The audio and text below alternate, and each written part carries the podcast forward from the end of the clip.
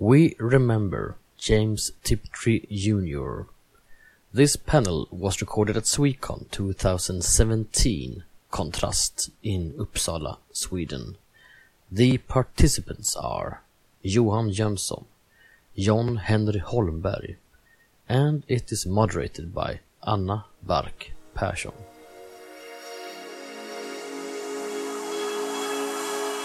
Svekon-poddar. En poddradio från svenska science fiction och fantasykongresser.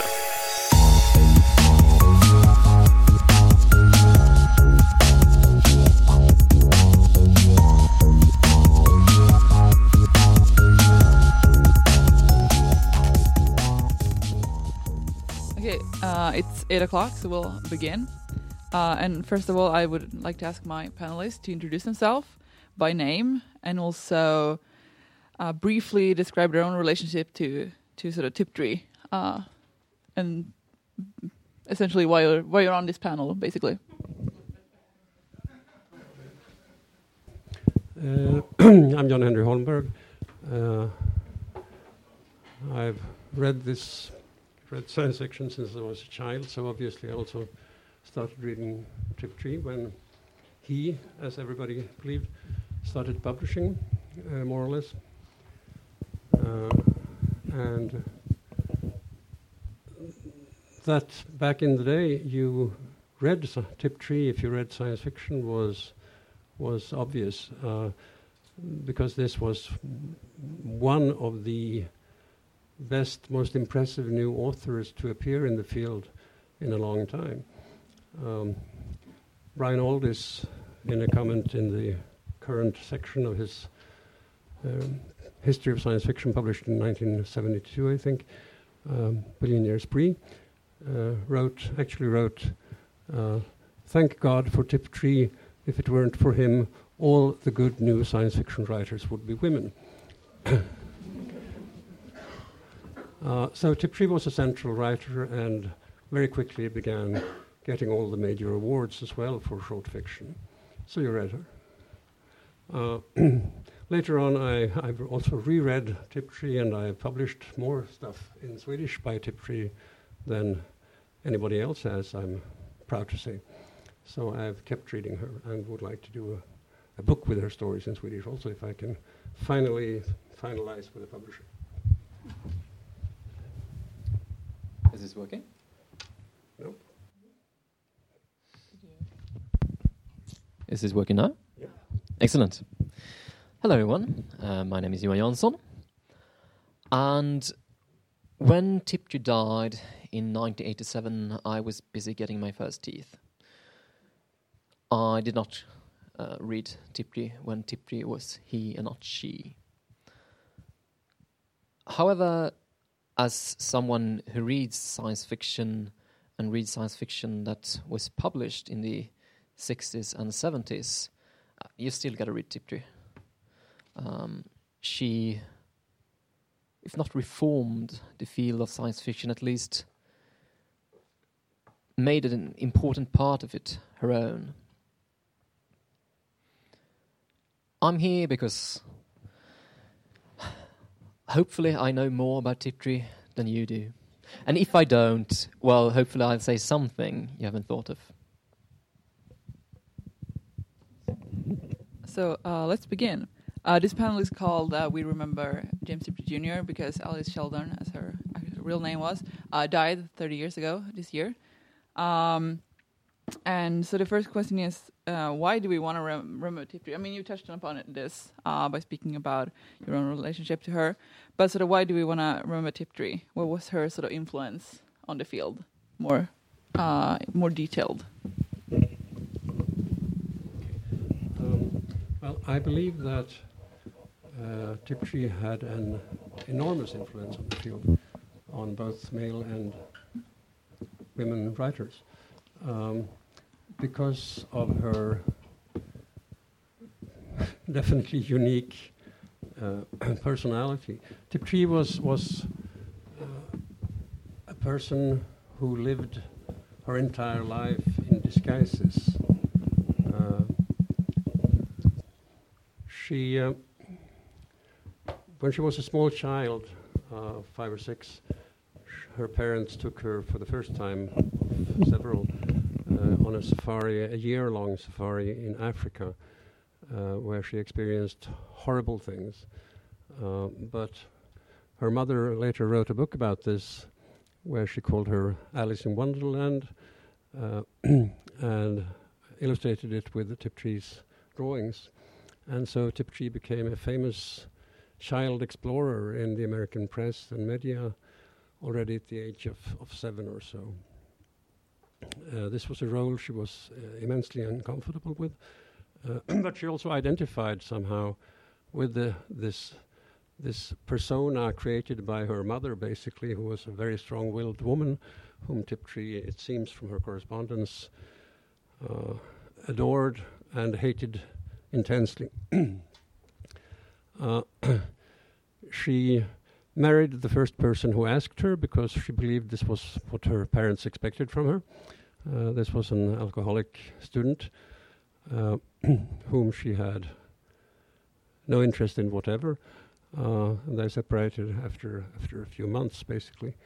Um, uh, later, she married uh, a colonel known to everyone. He was fairly famous uh, as taciturn to the point of uh, psychiatric disease. He was a person who did not communicate. Uh, herself, uh, from her unpublished writings, letters, and diaries, uh, for her entire life was attracted only to other women. So uh, she was basically a lesbian um, disguised her entire life as a heterosexual woman. Uh, she played the roles put on her by, by her mm, husbands and her parents. Uh, and when she wanted to, and, and never quite dared to try to communicate in her own self. She was a very promising fine artist. She had exhibitions of paintings uh, at the age of around 25, 26, uh, and so stopped painting entirely uh, because she felt she was could never be good enough to actually exhibit. Uh, and what liberated her as a writer, it seems, was taking on still another persona, now that uh, of a, a middle-aged, uh, very gruff but friendly male um, former secret agent uh, under the name of James Tiptree. And under this name, it's, it's, not just that he published stories as by James Tiptree. James Tiptree corresponded voluminously with dozens of other writers and fans and critics. Uh, was a very, very well-known personality in the science fiction field, although he never came to conventions. um, or as people who corresponded with him, if he came, he wanted to be incognito and so never gave his real name. Uh, for this reason, male writers identified with Tiptree as a male. Uh, in the preface, he wrote to Tiptree's second story collection. Uh, Robert Silverberg, who also corresponded voluminously with Tiptree, uh, said that he knew it was a pseudonym because there was no person in America uh, who could be traced with that name. So he said that he listed different guesses and said that there has also been some people guessing that Tiptree could be a woman. I find this absolutely impossible to believe because his prose is at least as virile as that of Hemingway. Uh,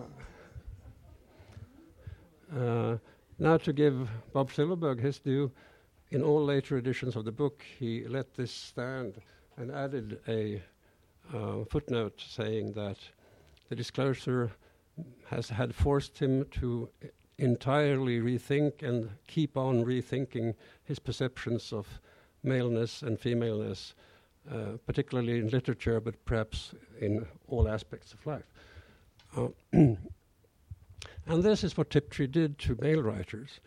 Uh, he did it also to female writers, because Tiptree uh, at this time, when Tiptree became prominent in the early 70s, a number of very strong and strongly feminist science fiction writers had appeared, uh, spearheaded perhaps by Joanna Russ, uh, but also including, for instance, Suzy Charnas and a few others.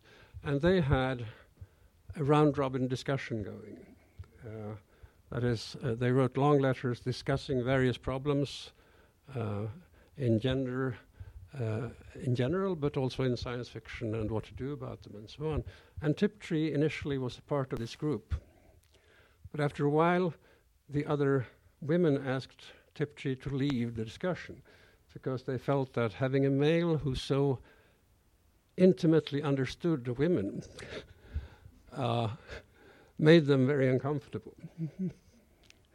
so they also had somehow, I think, to rethink their entire position on the gender issue in science fiction. So, in this way, Tiptree turned the entire thing upside down, more m- even perhaps than Joanna Russ, who was the first really violently strong feminist voice in science fiction. Before I answer this question, um, I think I will briefly introduce the subject of Tiptree because I think this conversation is slightly difficult to follow for anyone who is not at least briefly familiar with who Tiptree actually was. So, James Tiptree Jr. was a pseudonym for Alice Sheldon, who was born in 1915, I think.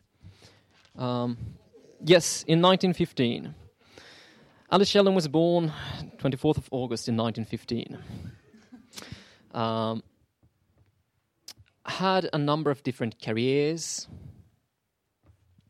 Had a great love of science fiction, which she had discovered as a child, um, reading one of the magazines.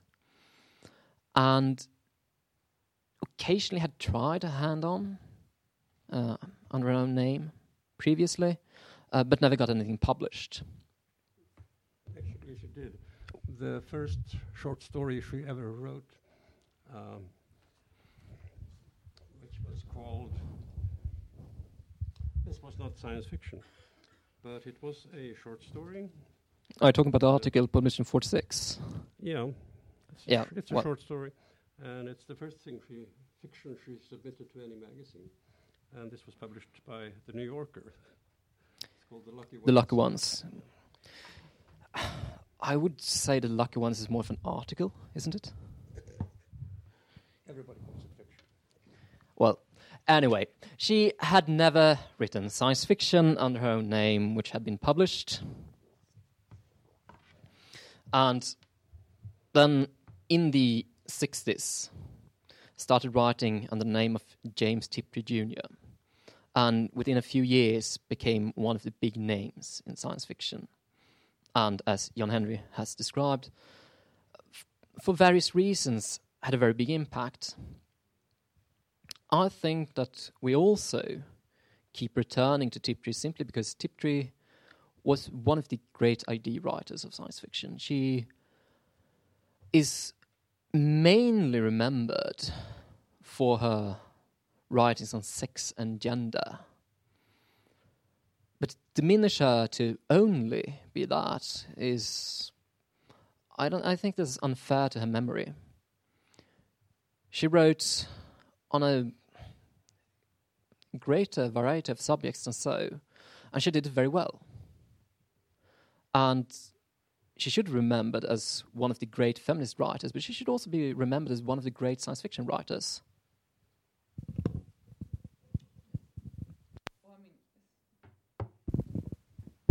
It's. Uh, I think that the, the sort of the interesting thing about Tiptree is that she was immensely big in her own time. She was sort of read by everyone, as, as you discussed, and she had an enormous impact, not just sort of the, the end reveal, uh, but also sort of her works in themselves, uh, but also as a fan, as a as a part of sort of science fiction fandom.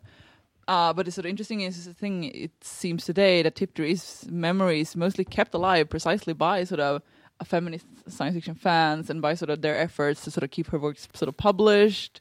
Uh, I mean, she does show up occasionally in, in in anthologies and so forth, but I still think that her um, her short story collection, uh, which is the only thing of her in print at the moment, uh, is uh, published by this sort of small feminist independent imprint. Uh, so I mean, so there is this sort of um, the way sort of Tiptree is kept alive, her memory is kept alive today, is is mostly done by feminists and also by uh, sort of citing the fact that that her sort of gender reveal um, sort of proved once and for all that that you sort of cannot read gender into sort of, or the writer's gender into sort of literature. Uh, but I think that Tiptree largely has sort of uh, fallen away a bit from the sort of the broader science fiction discussion. Uh, would you agree, or do you have sort of a, a different opinion? I'll, probably agree, uh, unfortunately, because science fiction has developed in, in different directions. I mean, there is a uh, sad thing. Uh, I, I, know I sound like a very old person, but I've also written a, a history of science fiction in, in, two times, actually, in book form. Uh, and so I've, I've, tried to study this. And the problem, there is a problem with the 70s.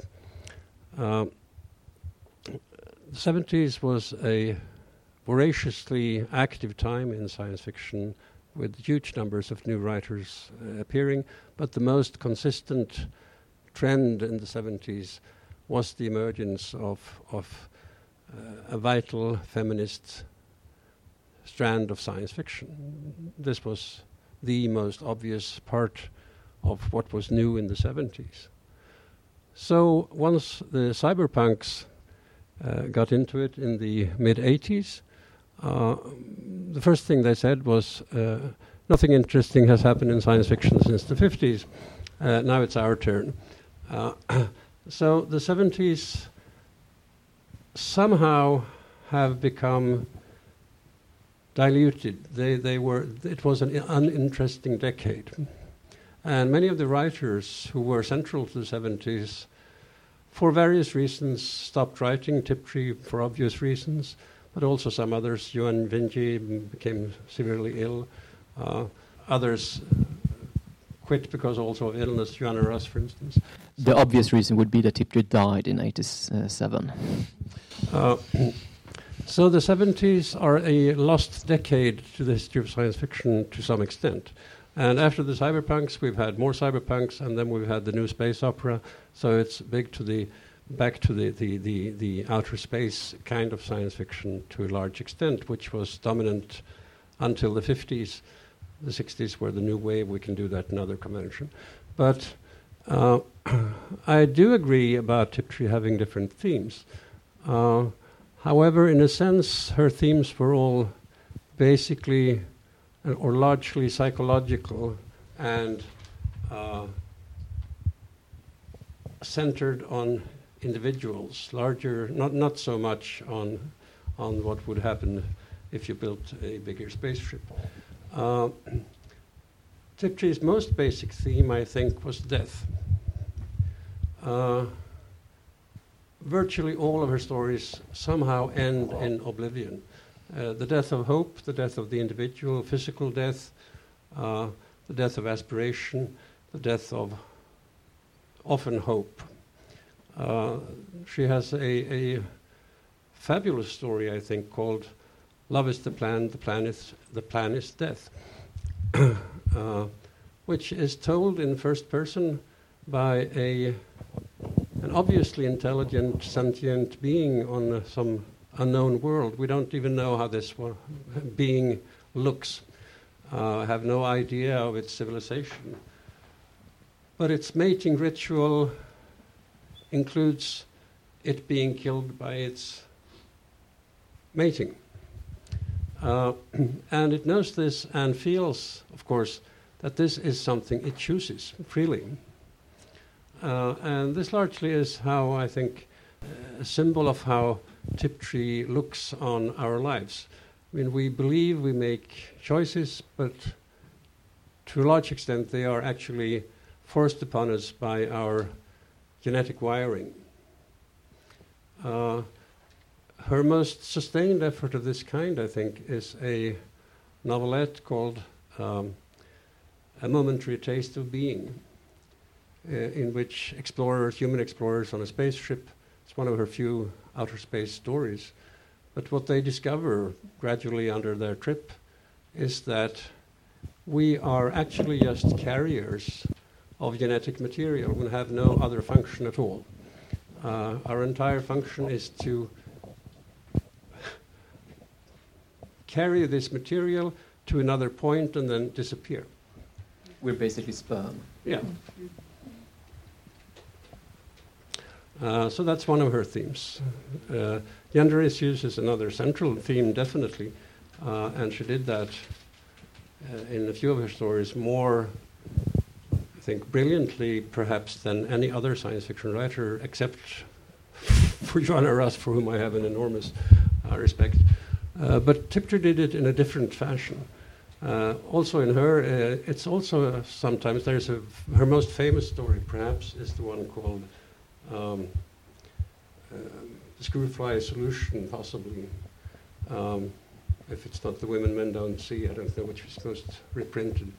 at least in the Screwfly Solution, again we are likened to insects.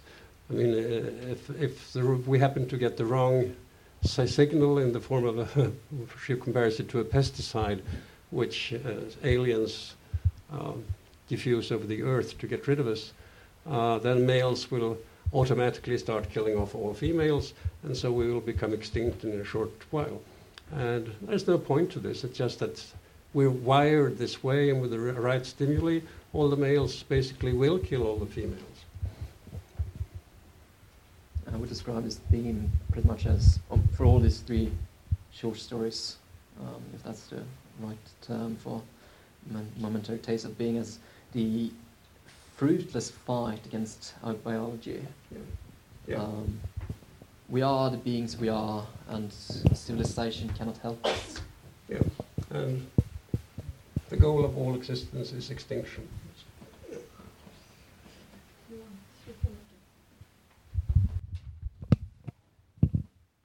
Better? What was the question again? uh, the question was how do we rem- how do we remember Tiptree today? Oh yeah, right. Um, and and why don't we remember Tiptree better than we are? Uh, no, but I think Jan Henry is right. Um, I mean, you can take writers who continued writing far longer than Tiptree did, who were, had an enormous impact uh, on her own time. Like, take Harlan Ellison. Harlan Ellison was central um, to um, the time when Tiptree wrote. He has got an, a huge heap of awards. He was central as an editor, uh, one of the truly important figures of science fiction. Harlan Ellison, I would say, is not widely read today. He's also been lost on the way. And perhaps most importantly, Tiptree wrote short stories. She wrote shorter fiction. She wrote a couple of novels. They're not bad. There are far worse things you can read in Tiptree's novels, but they are not worth remembering for decades. The things that Tiptree wrote that we should cherish for decades now and for decades from now those are her short stories, the best of her short stories. And short stories are no longer central to the discussion of science fiction. They are central within a very small part of the field. People who work with science fiction tend to read short stories. Um, editors, magazines, and so uh, short um, form editors, magazines, and so on have become something that a smaller group of persons care about within the field of science fiction. Whereas once the short story dominated science fiction. And if the short story doesn't dominate, then the short story writers can't dominate. I'm not sure Ted Chiang will be remembered that well 30 years after his death. Ted Chiang is a very celebrated short story writer, well beloved. Um, got some sort of wider recognition now that Arrival um, was filmed, that was based on uh, one of his short stories. But I'm not sure that Tiptree could survive no matter how well she wrote if people don't read the format she wrote in. She had she has one better than most people, even including Harlan, although mm, he will get it in a, in a month or two. Uh, there is an excellent biography of Tiptree out. It was published um, two years back, I think. No, 2006, I Oh, think. yeah, this is. Uh, ten years back.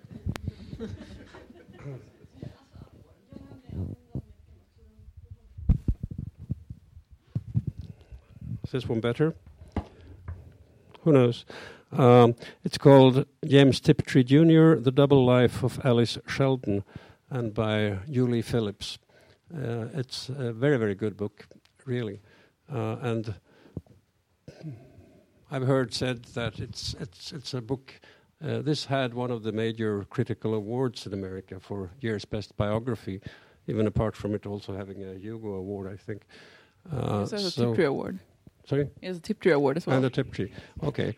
Uh, well, the Hugos sell some books. The Tiptrees probably sell few books. Uh, the major critical award sold books to every library in America and a lot of serious readers. So I've heard Americans say that uh, one of the ironies of this is probably that more people have now read a book about Tiptree than have in the last 30 years ever read a book by Tiptree. Uh, um, what we need to do, of course, is convince a major Hollywood studio to make a movie from a Tiptree story, and then she will be republished and probably read by some. Um, Harlan Ellison, of course, is also one of the science fiction central figures who wrote basically only short stories. Harlan has written a single science fiction novel, which is pretty bad. Um, what's published as a half ace double in 1959 or 61 or something like that. Uh, and there have been many of these because science fiction was a magazine literature for about 35, 40 years. And so it grew uh, by short stories inspiring and making other writers uh, kind of discuss ideas in their short stories inspired by others' short stories. Now it's mainly a novel literature because these are easier for academics to pursue and find uh, than to twist back through 25 short stories to find the origin of a specific idea.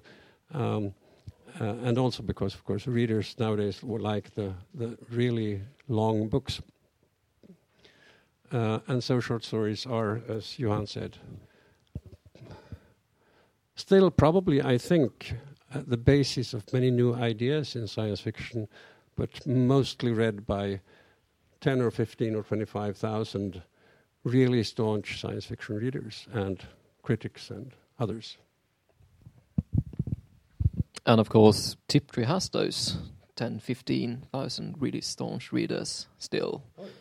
Um, actually, her novels are in print, uh, both of them. Oh yes, they've recently come out. Yeah. Yeah, so they uh, are in print now. Yes, that's true. Uh, but yet again, the problem is that if we are to remember Tiptree by her novels, then she will soon be forgotten again. So um, the the sort of interesting part about reading Tiptree, of course, especially if you read her nowadays and, and sort of read her for the first time nowadays, uh, you sort of know the gender reveal. I think most people who manage to find Tiptree and read Tiptree knows sort of that Tiptree is not a male author. Uh, but one thing that sort of struck me, I was reading this anthology called Letters to Tiptree, which is basically letters written by science fiction authors and fans to Alice Sheldon. Uh, it is very, very. Uh, I, I recommend it warmly because it it sort of uh, really captures uh, what sort of Tiptree has sort of meant for the field of science fiction. But what sort of struck me a lot when I was reading this as a, a very much a younger uh, female science fiction fan was that a lot of the sort of the female writers and fans that spoke about Tiptree discussed how disappointed they were when they found out that Tiptree was in fact a woman rather than a man, because for them the fact that Tiptree was a male author who so intimately, as you said, understood sort of uh, the sort of conditions of women and sort of the, the subordination of women was a source of hope that if a, a, man could understand this and there was hope for a better future. And when sort of Tiptree the sort of gender reveal came that hope was sort of dashed. So a lot of people were sort of initially were disappointed. And I think that for me was very a very strange thing to think about it because for me obviously I've always I've always read Tiptree as a female writer. I knew the history. So sort of how how different is the sort of the experience of sort of reading Tiptree uh, of sort of as as you have done, sort of going through the stages of sort of reading Tiptree differently, and sort of starting with the sort of the knowledge. Well, um, I don't have a control group. Uh, none of us have. I imagine um, the reading is different. Um, but of course, the most the thing that is, that is more different, I suppose, is not reading, but actually how how you see the writer. That you never got to go through this huge change in how you look at James Tiptree Jr. Um, when you read the stories, I think it's easier to forget who the writer is when you think about stories, I think that's when it really matters. Um, it's very difficult to say. There's also a secondary problem here, even, because James Tiptree had a pen name also. Uh, um, since Alice Sheldon did not want people to uh, disclose her real identity, uh, when she wrote what she felt herself were unmistakably uh, feminist stories written by a, a, woman's voice. She used another pen name called Raccoona Sheldon. Uh, Raccoona Sheldon was the writer who published um, uh, Your Faces, Oh My Sisters, Your Faces Filled of Light. Uh, Raccoona Sheldon published uh, the um, um, what's it called? Raccoona Sheldon published The Women Men Don't See. Uh, no, I think she published the Screwfly Solution. Yeah, she The Women Men Don't See was a Tiptree text. Sure. Yeah, I'm pretty sure. Okay, I, I, I don't remember for sure. She certainly did the, the, the, the other one. And she did, Sheldon did, I think, four stories. Uh, now, James Tiptree did Houston, Houston, Do You Read? Uh, which is at least told from a male point of view. So uh, she, uh, her male pen name published as feminist stories, I would say perhaps as her female pen name's pen name. Uh, but even so, there's a funny uh, footnote to this, and this is, of course, that Raccoona Sheldon initially mailed in her stories to the same magazines that published Tiptree, but they were all rejected. So she then had Tiptree write covering letters saying, This is a friend of mine and I think she's very good. And uh, then they got published. um, as to the main question, I, it's difficult to say. I don't really remember. I mean, there was a controversy at this time. I, I remember in a Swedish fanzine I was defending Joanna Russ as a female man against a, a much more famous male critic than I was, who felt it was a horrible, awful, idiot novel which shouldn't have been published. Uh, so I thought Tiptree was great, but I don't believe I really considered the author's gender, actually. Um, but I mean, i have been used to I'm one of the few males who actually have written, have read women authors since I was a child. Um, although back then everybody would have read Enid Blyton, of course. But then all the others stopped. Um, but I liked a lot of women writers all th- throughout. So I, I uh, never much considered it. Uh, neither Tiptree nor Alice Sheldon went to conventions, so I never met the person. So. I don't think that uh, Sheldon would have dared to publish um, The Women Men Don't See under the uh, name of Raccoon Sheldon because it's about Mexico. And Mexico was the one place she wrote a lot about in the fan, in the fanzines. Yeah, fanzines, yes. Um, at the time when she was still Tiptree and still male. Yeah, but she was rather reckless with with sort of what she wrote about, considering her alias, because she was um, she wrote in a lot of sort of very revealing details about herself in her work. So people have sort of speculated later that maybe she actually wanted to be found out, or, or some subconscious part of her wanted to be sort of found out. So I mean, so even so, she was rather reckless with what she sort of put into her letters and her texts. On the other hand, or third hand, uh, Tiptree also had a career which was, at the time at least, typically male. I mean, she was a she became a major.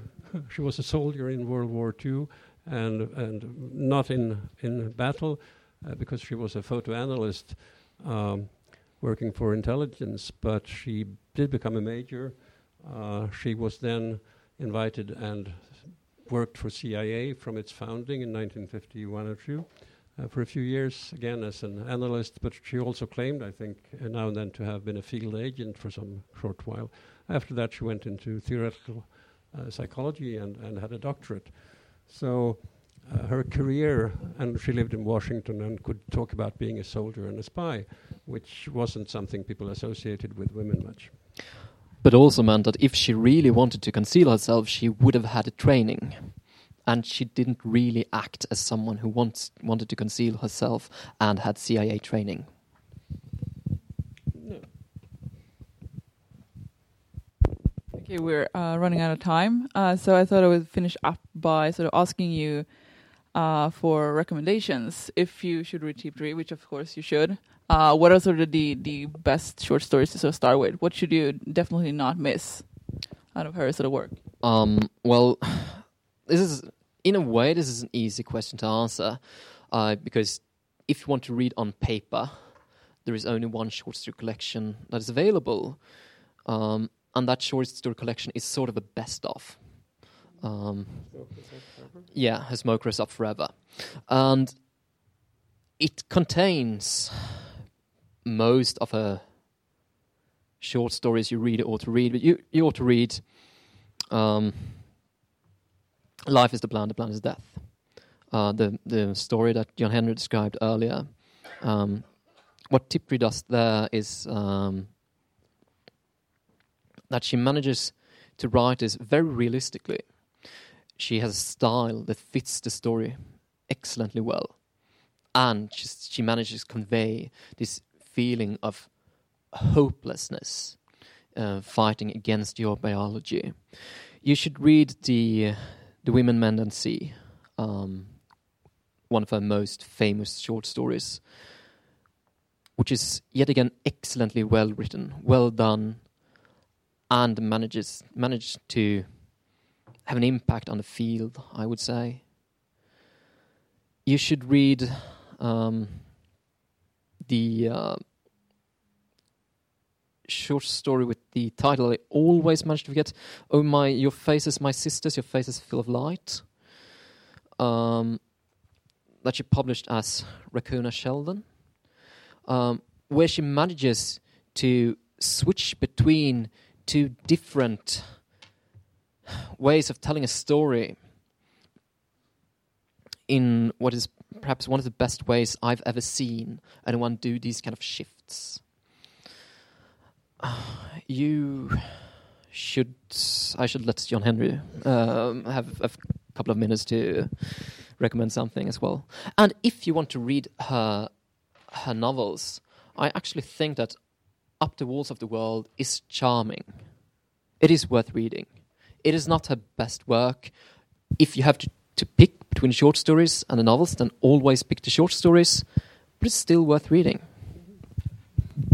And you can try a couple of her stories about other things also. Uh, she has one which is very, very famous. One of her, actually, the first one of the first stories she ever wrote, um, "The Last Trip of Doctor Ain," uh, which is eight or ten pages long, and is one of the most famous and one of the first stories of ecological disaster in science fiction. Uh, of course, in her normal, cheerful way. Um, Dr. Ain finds the only way to save the planet I'll leave it to you to discover it when reading the story. Um, but it's very typical Tiptree. Um, I think you should also read Houston, Houston, Do You Read, uh, which is, uh, in a sense, a, a devastating comment on men, and in a sense also a feminist utopia. Um, it's a very famous story which had the Hugo and the Nebula Award, I believe.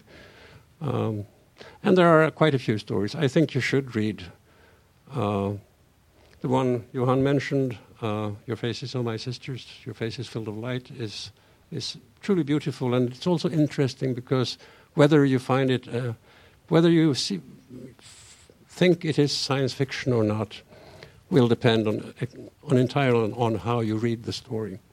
It can be both or neither. Um, and I think you should read A Momentary Taste of Being, which I mentioned before, which is a, a fantastic story, an extremely strong story. Also, the most depressing story you'll read in your lives, probably. And you should read slow music. I, I would say this because people don't tend to mention slow music, so I will mention.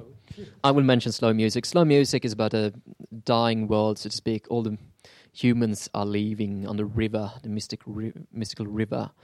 Um, and it, ID wise, it's not at all as strong as Moses' writing, but it's truly enjoyable and it is beautiful. Okay, we have gotten the stop sign. I would also like to recommend. I mean, I agree with all that you said. That that's definitely Tiptree's sort of best work. But I also like to to recommend uh, the girl who was plugged in, which is very much the the actual beginning of the cyberpunk genre. It really much sets the tone for a lot of that actually happened in cyberpunk later. But Tiptree doesn't get the credit, and I think she does deserve it. Uh, and also, We Who Stole the Dream, which is a space opera story, but taken in a in a completely different direction. As, as Tiptree always does it, there's a, a very uh, horrible twist at the end, which I think is very sort of interesting considering the way space opera sort of usually works. Uh, so I think that in addition to what you mentioned, I think those stories are are very well worth reading. And I think that we basically summed up the entire uh, short story collection. So just just buy it and read it. no, it has another 25 stories. Her smoke smokers up forever. Get it, read it. And if anybody reads only in Swedish, there I did once publish this special issue of a science fiction magazine I used to publish with, which is all about Tiptree or basically all of, almost all by Tiptree. It's um, about 200 pages of her stories in Swedish. Uh, I still have a few copies of this, so if anybody really wants it, uh, send me an email or something. Thank you. Thank you.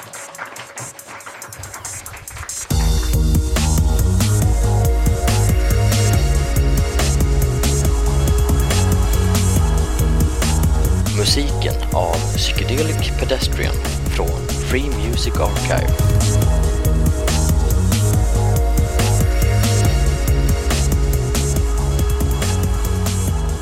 Besök gärna vår hemsida på svekonpoddar.se